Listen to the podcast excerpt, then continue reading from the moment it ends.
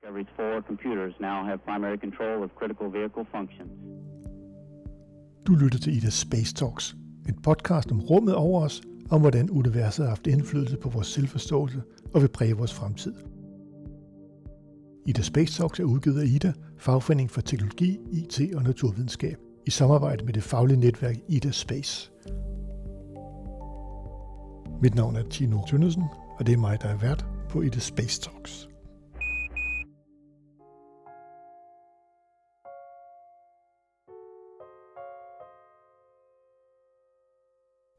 Velkommen til endnu en fascinerende episode af Ida Space Talks. I dag der skal vi udforske solsystemets måner og deres betydning for os. Det er sådan, at vores måne, som vi kender, det er kun en blandt solsystemets over 232 kendte måner, fordi måske er der flere. Og jo mere vi ved om månerne, jo mere forstår vi vores eget solsystem. Men med så mange måner, så er det jo svært at kunne rumme dem alle sammen på i en episode. Og det var så har jeg endnu en gang taget fat i Lars Occhionero fra Kroppedal Museum og øh, formand for Astronomisk Selskab. Velkommen til dig, Lars. Jo, tak. Det er fantastisk, at du endnu en gang vil komme forbi og berige os med din viden. Selvfølgelig. Du har været med, jeg tror det er 6. gang nu. Jeg finder snart en præmie til dig. det, det, det er super godt. Det er sådan, Lars, jeg har jo bedt dig om at vælge nogle måneder ud øh, af de mest interessante måneder, ja. og du har valgt fire måneder ud. Ja, jeg tænker måske skal vi starte med at præsentere, hvad måner overhovedet er for noget, og ja. hvad, hvad er forskel på en måne og en planet? Det har jeg i hvert fald stødt på nogle gange folk, der ikke er helt Jamen, hvordan definerer vi en måne? Jamen, virkeligheden er det ret simpelt. En planet kredser rundt om en stjerne, en måne kredser rundt om en planet. Okay. Og i virkeligheden er ordet måne ikke det videnskabeligt korrekte term, men det er en, der bliver brugt så meget, at det er den efterhånden blevet. Mm. Altså, teknisk set er det en naturlig satellit. Ja. En satellit, det er en hver ting, der kredser rundt om jorden, eller rundt om en planet. Mm-hmm. Og de fleste satellitter, vi kender, de jo kredser jo rundt om, om, jorden. om jorden, og er kunstigt skabte satellitter. Der er også nogle satellitter, der kredser rundt om andre planeter, der er kunstigt skabte. Og så er der de naturlige, og det er så det, vi også populært set kalder måner. Okay. Ja, fordi, ja. og, og dem er der så ja, et par hundrede af i solsystemet. Jo. Sandsynligvis flere. Men det er jo ikke alle sammen, der er lige interessante. At de fleste måner er sådan nogle småsten. Øh, de fleste måner i solsystemet er formentlig asteroider og kometer, der sådan er blevet fanget af, af planeterne. Og, og når du siger småsten, er det så et par kilometer over ryggen, eller hvad er det? Ja, nogle, altså, nogle ja. kilometer store, øh, ja. op til lidt større. Men, men egentlig ikke sådan, øh, de fleste måner er sådan så små, at de er for små til, at tyndekraften med dem runde. Okay. Som jeg vil sige, det de ikke i det, kalder hydrostatisk ligevægt. Nej. For eksempel Mars' to måneder, Phobos og Deimos, det er reelt set to mindre sten, der bare kredser rundt om Mars. Okay. Så det... Jordens måne er en stor, flot måne. Ja, den har vi også snakket meget om før. Ja, ja, ja, ja. Ja, i episode 1 og 2, vi kan lige gøre lidt reklame her, oh, også, ja, så man kan spole tilbage. Ja, vores måne er faktisk den femte største måne i solsystemet, så det er en af de okay. helt store krabater i virkeligheden. Og det kan vi være stolte af, så. Det kan vi. Men Lars, der er jo andre måner. Det er der. Og øh, hvilke måner har du valgt ud? Jamen, jeg tænkte, at de to store kæmper, der for alvor har mange måner, som der er virkelig mange at vælge imellem, det er jo Jupiter og Saturn. Mm-hmm. Hvor Jupiter har øh, lige nu, her for nyligt, har man lige fundet 12 mere. Så nu er den op på 92 måneder. Omkring uh, Jupiter alene? Ja, og, og Saturn omkring 83. Okay. Og så er der selvfølgelig også en masse flere, som man bare ikke lige har fået bekræftet endnu. Ja. Og der er en masse småsten, og det begynder også at være diskussioner om, hvor stort det skal være, før man overhovedet kalder den måne, og hvornår er det bare noget grus, der sidder fast i ringen, ikke? Jo, jo, jo. Men øh, der er fire måner, som jeg i hvert fald lige vil vælge ud først. For Jupiter har jeg valgt øh, Jo Europa ud. Det er to af de, der hedder de galileanske måner. Ja. Og for Saturn har vi øh, taget Titan mm-hmm. og Enceladus ud, som er den ene en af de største måner i solsystemet. Faktisk den næststørste. Og den anden, det er en meget, potentielt meget spændende måne. Lad os starte med, med Jupiter. Ja, Jupiter er jo den første planet, hvor man opdagede måner. Altså udover den, vi er forvejen kendte, der kredser rundt om jorden, der ikke er så svært at opdage. Mm-hmm. De blev oprindeligt opdaget tilbage i 1610 af Galileo Galilei, som så de her fire prikker, som han kaldte de mesiske stjerner til at starte med, og så siden har man kaldt dem de galileanske måner. Og de fire store omkring Jupiter, det er Jo, Europa, Callisto og Ganymedes. Og de to eneste, det er så dem, jeg lige vil fokusere lidt på. Det er okay. Jo og Europa. Ja. Og vi kan starte indfra, og det er Jo, og det er den af de galileanske måner, der kredser tættest på Jupiter er faktisk meget, meget, meget, meget tæt på Jupiter. Den er sådan i samme afstand som, fra Jupiter, som vores måne er fra os. Okay. Så omkring de her 400.000 km. Men Jupiter er en noget tungere planet og noget større planet end Jorden. Ja. Og det betyder, at øh, Jo, den kredser en gang rundt om Jupiter hver cirka sådan 42,5 time. Okay. Så hvor vores måne tager 29 dage, så tager det altså 42,5 time for, for Jo at kredse rundt om Jupiter. Så der er fart på. Der er enormt meget fart på. Øh, og det er måske også en af grundene til, at, at Jo bliver meget, meget spændende måne. Mm-hmm. Fordi når den er så tæt på Jupiter, så øh, bliver den påvirket utrolig meget af Jupiters øh, tyngdekraft, og det hedder tidevandskræfter, øh, og i virkeligheden også nogle af de andre måners tidevandskræfter. Og ligesom vores måne påvirker jordens vand, og i virkeligheden jorden påvirker også månen, og har gjort, at månen altid vender samme ansigt mod os, jamen så påvirker jo tidevandskræfterne jo på en måde, sådan at den bliver fuldstændig vredet rundt, når den kredser rundt. Og det gør, at kernen af jo bliver utrolig varm, og reelt set smelter. Og det gør, at jo bliver vulkansk aktiv. Og det er på grund af friktionsvarme. Lige præcis. Der er friktionsvarme fra, fra de her term, altså den, man, man kan ligesom øh, den her boble af vand, der kredser rundt om jorden, eller hvor jorden kredser rundt om, når man har tidvand, Ja. jamen, så har man sådan en boble af jord, som sådan i virkeligheden friktionen skaber så meget varme, at den bliver helt flydende og vulkansk. Og jord er måske en af de mest vulkanske steder i solsystemet. Der er fundet sådan omkring 400 vulkaner på jord. Hold op. På den her relativ, altså jord er marginalt større end månen. Ja. Øh, end vores måne. Så det er en relativt lille øh, område med de her 400 vulkaner. Og der er ikke ret meget tyndekraft, ligesom der er tyndekraften er sammenlignelig med den, vi har på månen. Og der er altså bliver spydet materiale ud sådan i 2-500 km højde.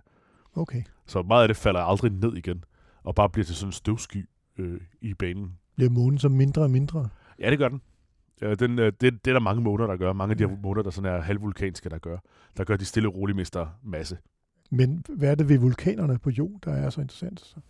Jamen, det ene er, at øh, det er en relativt øh, ung overflade, og det er en, apropos inspiration og, og skønhed, så er jo en lidt speciel måne at kigge på. De fleste måner er sådan store grå klumper. Mm. De fleste er jo lavet enten af sten eller is. Så det er sådan nogle store, ja, sorte grå med måske lidt huller og lidt krater i. Jo er utrolig spændende og farverig. Der er en masse svovlforbindelser på overfladen for de her vulkanudbrud, der gør, at Jo har de her gule, røde, lidt grønlige farver lidt over det hele.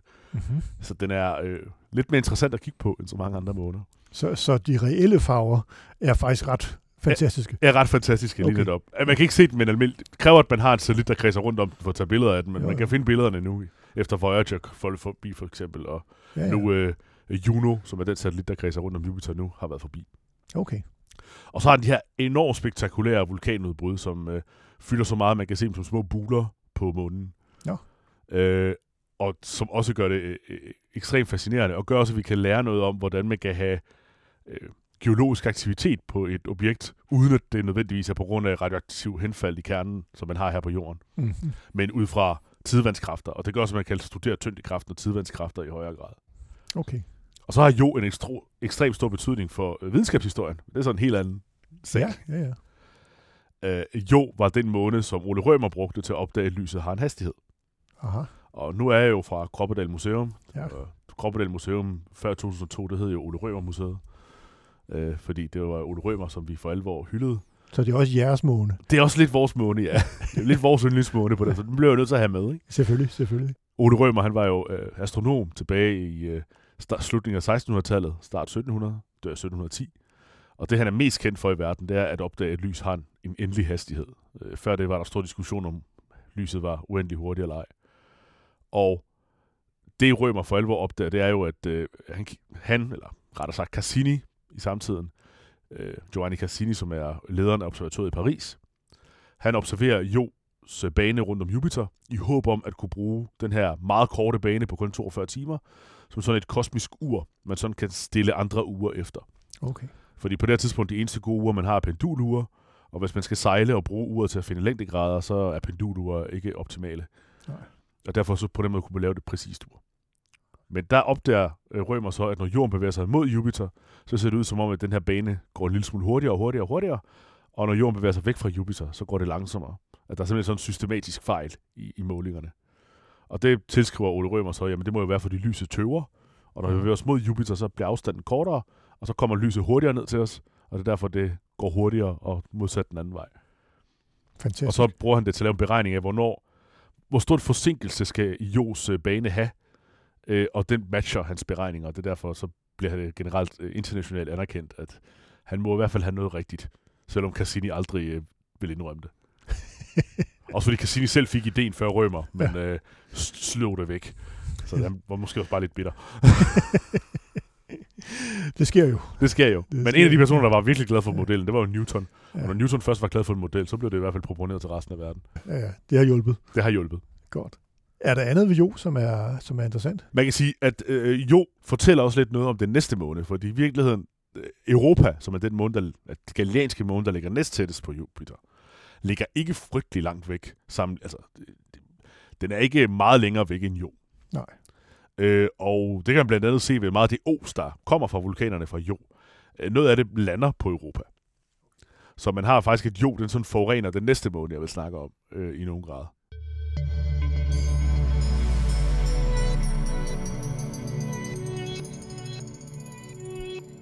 Den næste måned, Lars, det er jo så Europa. Den er så en lille smule mindre end vores måne, så det er en lille smule mindre også end Jo. Og så har den en, en bane, som bare sådan 3,5 dag i stedet for de her 43 timer. Så den er lidt længere væk. Ja. Øh, men alligevel bliver påvirket af alle mulige effekter. Men den er stadig ikke så tæt på, at man skulle tro, at den var lige så, i hvert fald vulkansk på en tilsvarende måde som Jo. Ikke lige så voldsomt måske, men i hvert fald også var vulkansk. Men øh, udadtil, der ligner Europa rigtig meget af Jupiters andre måner. Også de helt store Callisto, Ganymedes og mange af Saturns måner. Det er nemlig en ismåne. Aha. Og langt de fleste måner i solsystemet er faktisk lavet is. Det er gamle kometer eller restmateriale, som er blevet samlet, restvand ja. og alt muligt andet snask, der sådan har samlet sig sammen ved solsystemets begyndelse og blevet så store isklumper. Det, der er specielt ved Europa, det er, at de fleste måner, når man ser dem, øh, så har de ret mange krater. Og det er fordi, at der sker ikke rigtig noget på månernes overflade, ligesom vores måne. Og de blevet totalt sønderbumpet af meteorer, og uden geologisk aktivitet, eller erosion eller lignende, så bliver de ved med at have krater. Men Europa er til syneladende ret glat. Og hvilket betyder, at overfladen på Europa må være relativt ung, hvilket får folk til at tænke, at den også må have noget vulkanisme. Det, der er måske er sjov features på den, det er, at der er store revner i de her is. Okay. Og det får folk til at tænke på, at de her revner kan måske være beskabt af sådan varmt vand, der skaber noget damp og laver nogle, øh, øh, nogle revner.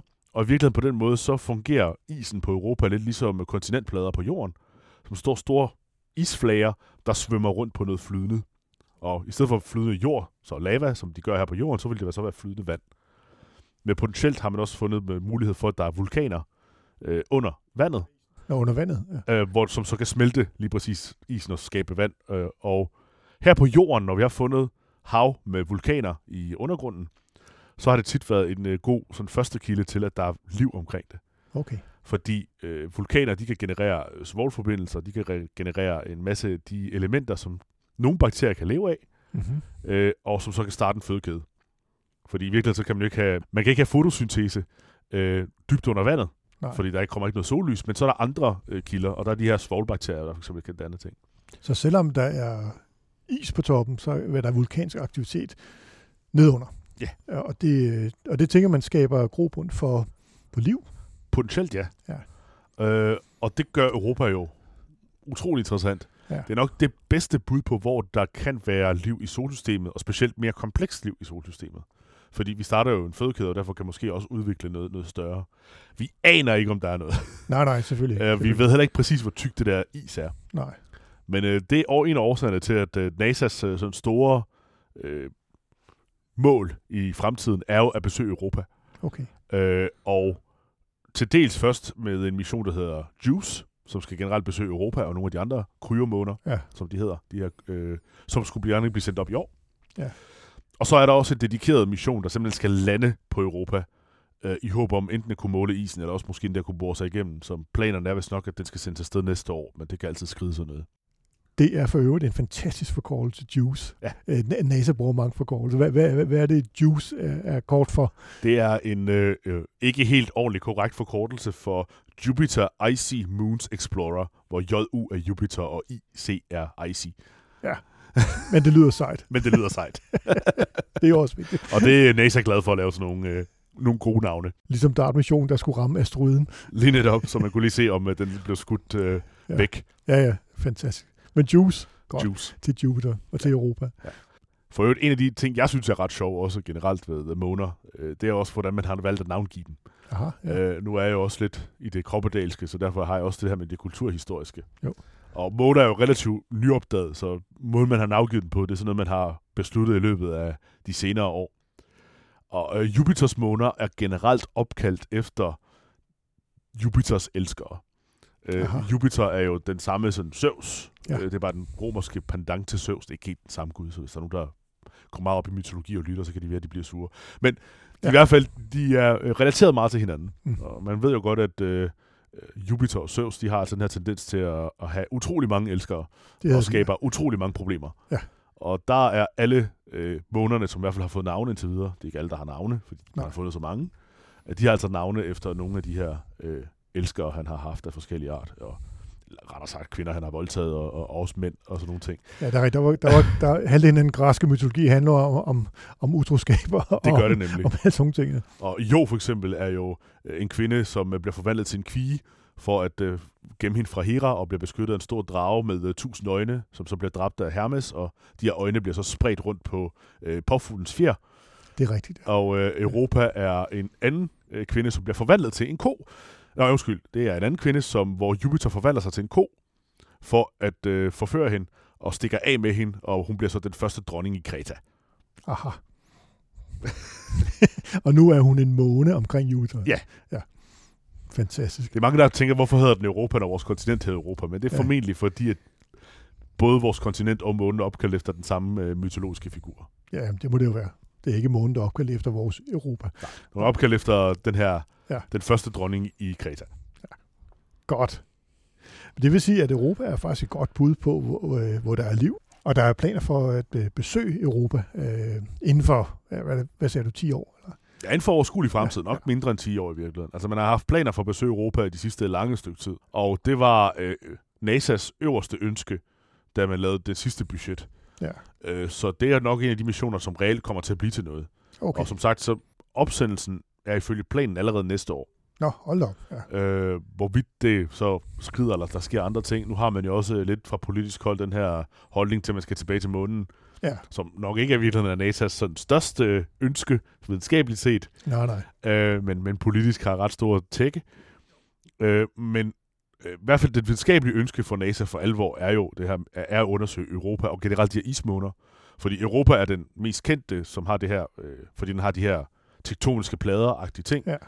Øh, så derfor er det den, som er bedst bud på, hvor der kan være liv, men potentielt er der mange af de her ismåner, som der godt kan have lignende forhold. Okay. Og ismåner, det er også det, der hedder kryomåner, er det ikke det? Eller hvad? Det kan det være kryomåner, tror jeg mere, men bruger til måner, der har sådan vulkanisme. Øh, Okay. Kryovulkaner.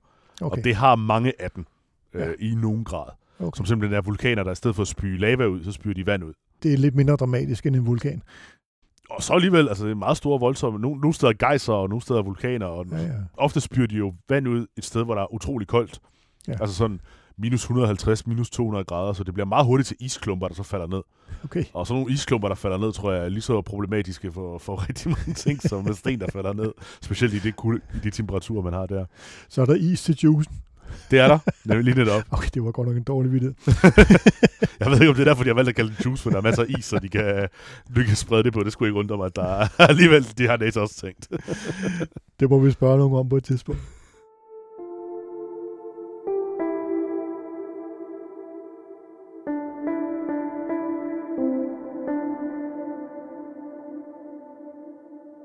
Nå, men Lars, det var øh, to af Jupiters måder, Jo og Europa. Ja. Hvad så? Ja, altså vi kunne fortsætte med Jupiters måner til langt væk. Altså der er også Callisto og Ganymedes, som ja. er de, du to af de største måner i solsystemet, ligger længere væk og er meget store. Ja, ja. Men nu tænkte jeg også lige ville tage nogle af Saturns måner. Ellers, øh, ja, endelig. Sa- Saturn er jo egentlig mest kendt for ringene. ja, øh, blandt de fleste folk, ja. Ja. Saturn har de her enorme flotte ringe, Ja. og ringene er netop sådan små stykker is øh, primært, og lidt støv, der flyder rundt om Saturn. Det er faktisk formentlig en gammel måne. Det som meste er, af det. Som er gået i opløsning. eller Ja, som simpelthen kommer så tæt på Saturn, at Saturns tyngdekraft har reddet den i små stykker. Ja. Det sker jo generelt, når ting kommer for tæt på. Ja, ja. Det kommer også til at ske for den måne, der hedder Phobos, som er Mars' måne.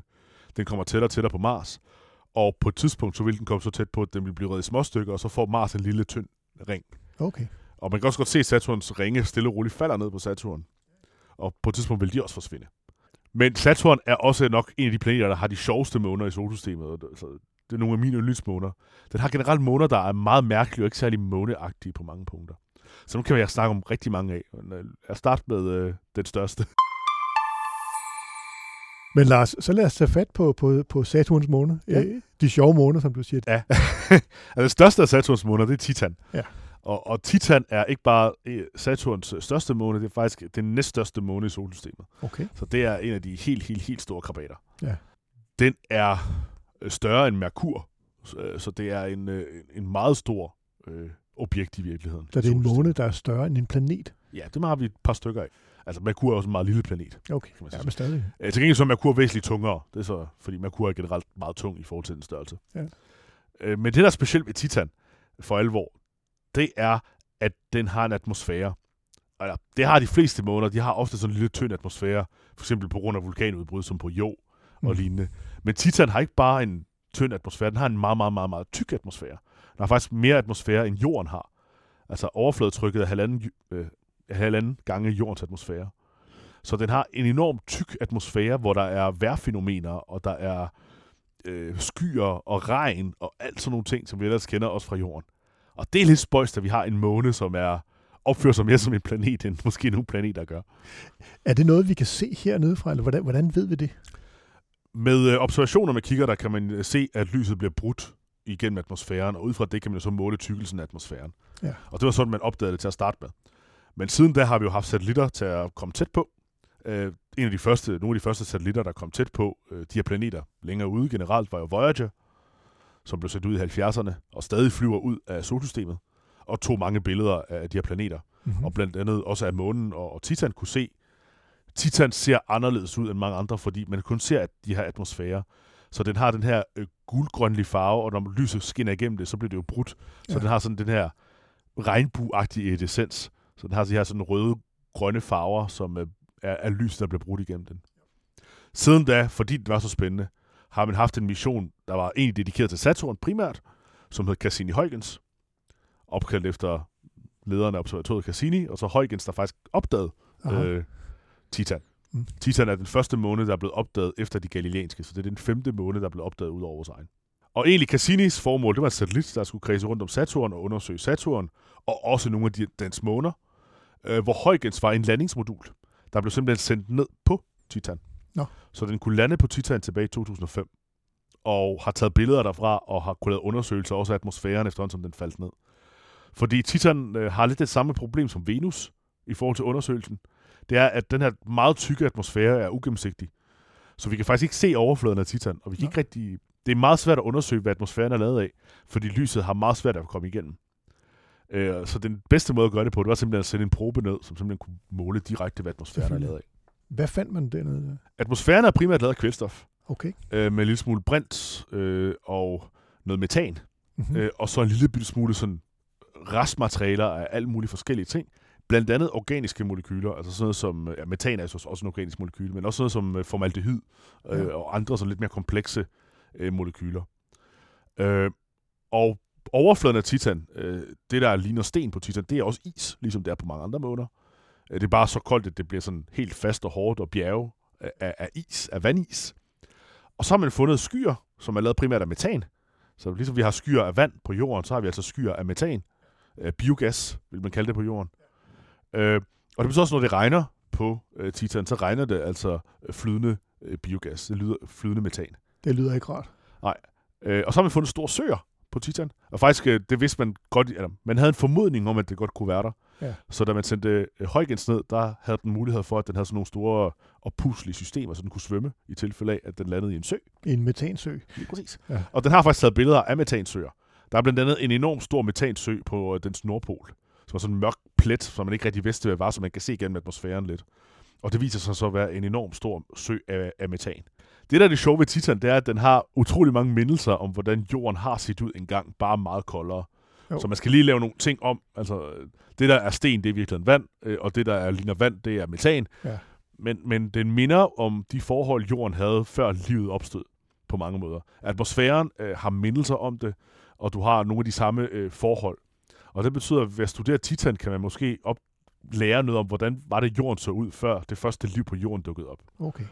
Øh, det er sådan præbiotisk jord. Ja, ja. Øh, og det er virkelig måske det, der gør Titan super interessant som det her øh, laboratorie, som øh, fortæller os øh, noget, øh, som sådan en tidsmaskine-laboratorium, sådan en lille tidskapsel for, hvordan jorden så ud engang. Øh, Ja, det, nogen skulle, grad. ja, en tidskraft, præcis. Ja. Øh, og det er det, der øh, for alvor gør Titan spændende. Og så det faktum, at vi har den her øh, mærkelige planet med en enormt tyk atmosfære, og en ret stor drivhuseffekt, som rent faktisk også gør, at månen er, har en væsentligt højere temperatur, end, øh, end Saturn og de omkringliggende måner har. Jo.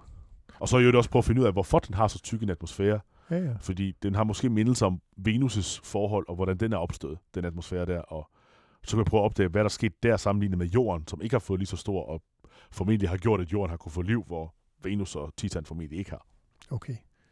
Men øh, vil man kunne bruge metanen på, øh, på Titan som brændstof, eller, eller er, den, er den interessant på den måde? Øh, Jeg tror, at øh, prisen for at øh, udvinde metan på Titan er væsentligt større, end at bare at, at tage det fra Jorden. Eller nogle køer stå og græsse, Ja. ja. og så... Ja. Metan er ikke ligefrem det dyreste materiale at fremstille. så jeg tror ikke, at øh, det kan betale sig at hente metan fra Titan, for at være helt ærlig. Nej, nej. Der er mange andre materialer ude i rummet, som er meget, meget mere interessante og meget mere værdifulde end øh, det. Ja, i høj grad. Ja. Men brændstofstationer er jo noget, som man tænker på at lave.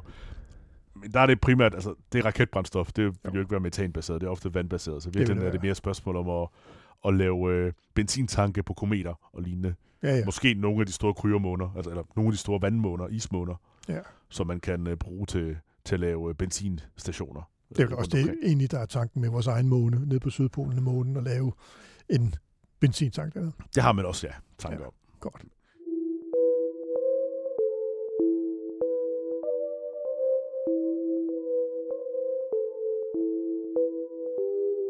Den sidste måne var øh, Enceladus. Det er jo et, pudsigt navn. Hvad er der, hvorfor er det, du har valgt den ud? Jeg tænkte, jeg skulle have en mere Saturns måner med, og Saturn har altså nogle fantastiske sjove måner, men de fleste af dem ser rigtig godt ud på billeder, og det podcastformat er måske ikke det bedste til. den har en måne, der ligner dødstjernen fra Star Wars, og så lidt forskellige andre sjove ting. Jeg lægger et link ind i beskrivelsen, hvor man, ja. Ja. hvor man kan se det. Uh, det er en måne, der hedder Mimas, der er ret sjov. Men Enceladus, uh, det er en måne, der er faktisk lige så stor som Mimas, cirka. Den er ikke særlig stor. Uh, Enceladus er lidt større end Irland, Okay. så det vi er, nu er vi ude i en af de ret små måner Ja, i virkeligheden. Og det er også en ismåne, ligesom de fleste andre måner herude øh, i solsystemet. Det er øh, store klumper af is, der flyder rundt. Det, der for alvor er interessant ved Enceladus, det er, at den for det første også er relativt glat nogle steder, så der er måske et eller andet på overfladen. Og det, man for alvor, øh, det, en af de ting, man kan se når man, med de billeder, man har set, når man flyver forbi den, det er, at den har nogle striber på dens øh, sydpol, Mm-hmm. som ligner sådan tierstriber. Og med en af de seneste satellitter har man også kunne se, øh, når man så den i modlyset, at der simpelthen flyder vand ud af de her tierstriber. Okay. Så det er gejser. Det er lige præcis de her kryovulkaner, og gejser, det er en måned, hvor der simpelthen, som simpelthen mister vand konstant i form af, af vulkansk aktivitet, hvor der bare spyr øh, flydende vand ud, som så falder ned som sne noget af det, og noget af det bare flyver ud og bliver til øh, i øvrigt Saturns E-ring. Okay. Formentlig størstedelen af Saturns E-ring, det er is, som kommer fra den her måne, der simpelthen spreder øh, vand ud efterhånden, som den lever. Og når du siger E-ring, så er det En af de ydre ringe i ydre Saturn. ring. Ja. Den har flere ringe. Altså de fleste formentlig de eneste, det man virkelig kan se, det er den her måne, der blev reddet i små stykker. Men når man kigger længere væk, så er der flere også tynde ringe, men ikke rigtig kan se med det blotte, men ikke rigtig kan se med små kikkerter, som kræver jo, at man nærmest besøger det, før man kan se den. ja, ja. Men de er der. Men de er der. Ja. Ligesom Jupiter også har, og Uranus og Neptun også har ringe. Okay. Og igen, Enceladus, det tyder altså på, at det er endnu en gang en måne, hvor vi har noget flydende vand i undergrunden. Og endnu en gang en måne, hvor der også er spekulationer på, at der potentielt godt kan være noget bakterielt mikrobiotisk liv af en eller anden art. Ja.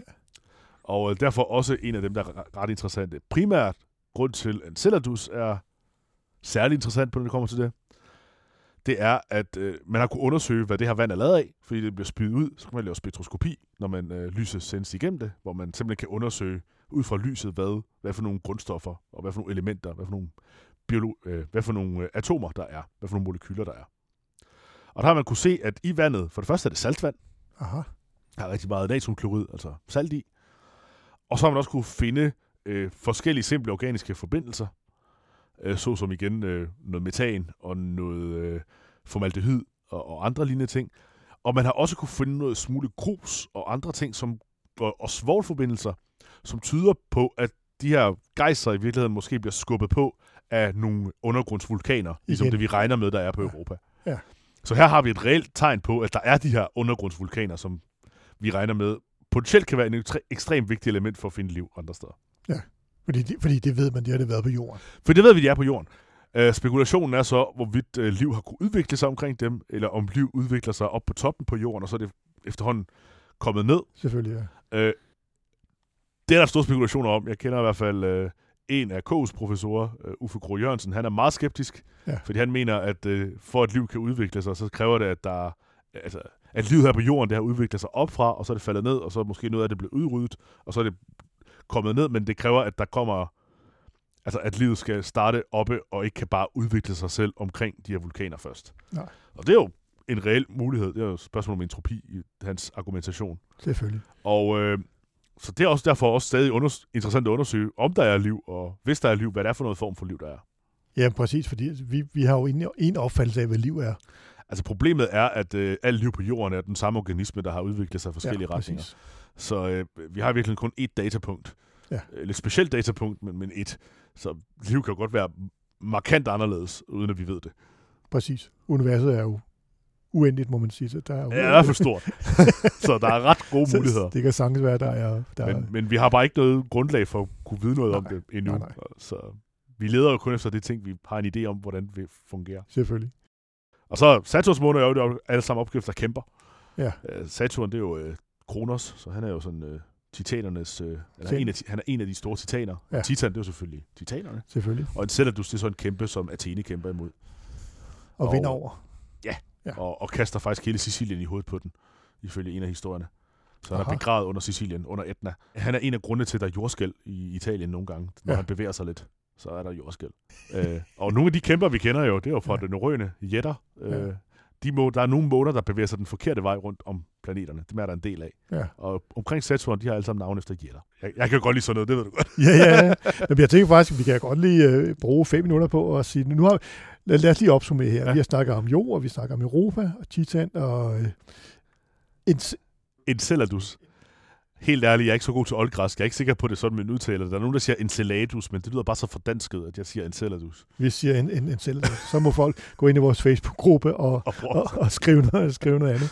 Det er det, vi gør.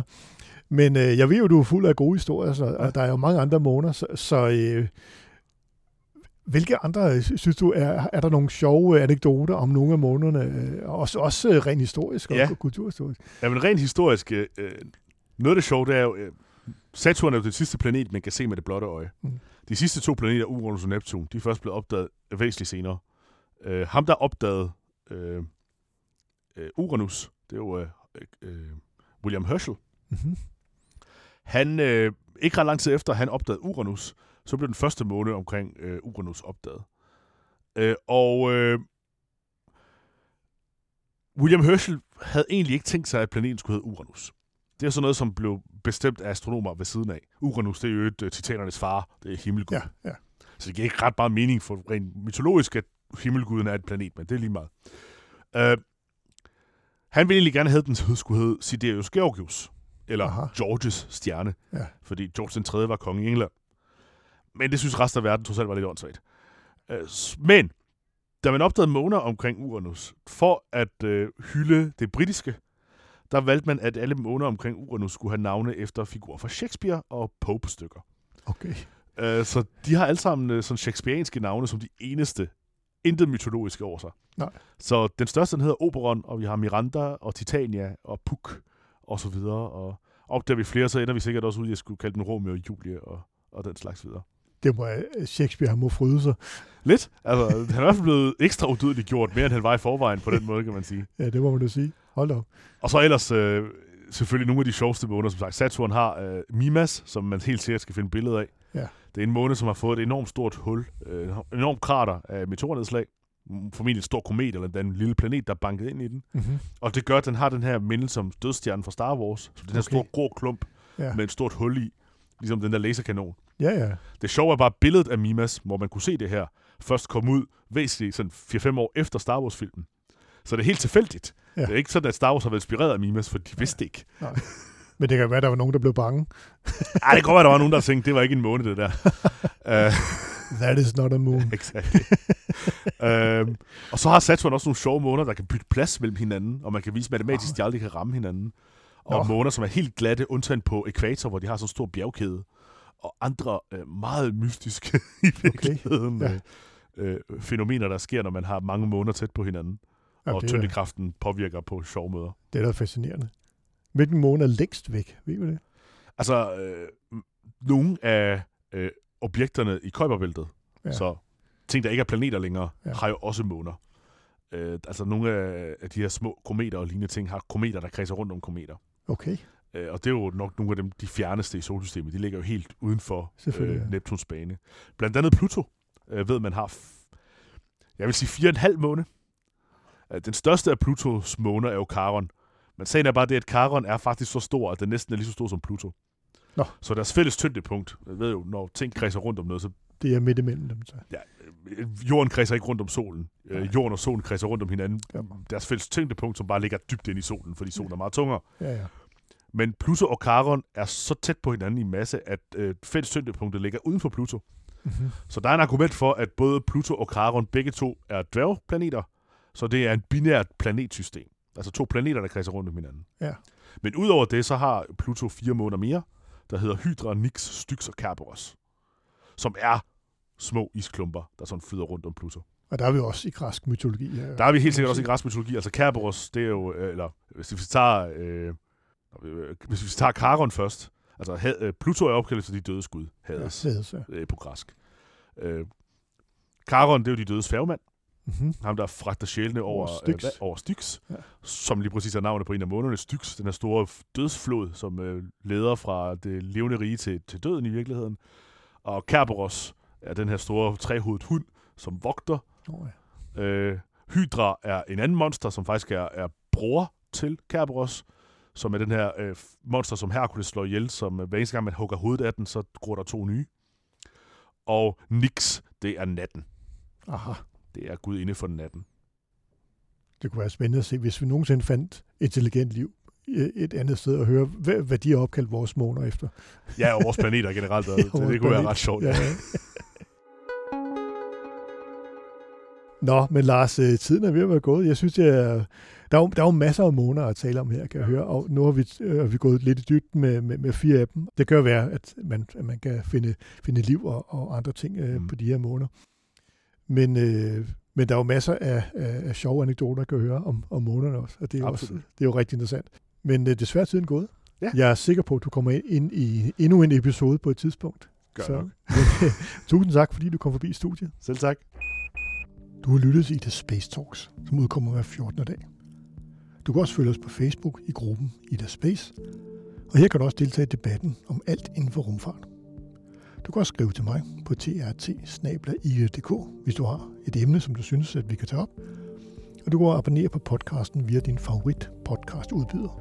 Ida Space Talks er en af flere podcasts, der udgives af Ida, fagforeningen for teknologi, IT og naturvidenskab Og du finder alle Idas podcasts på ida.dk-podcast. Mit navn er Tino Tønnesen. På genhør om 14 dage.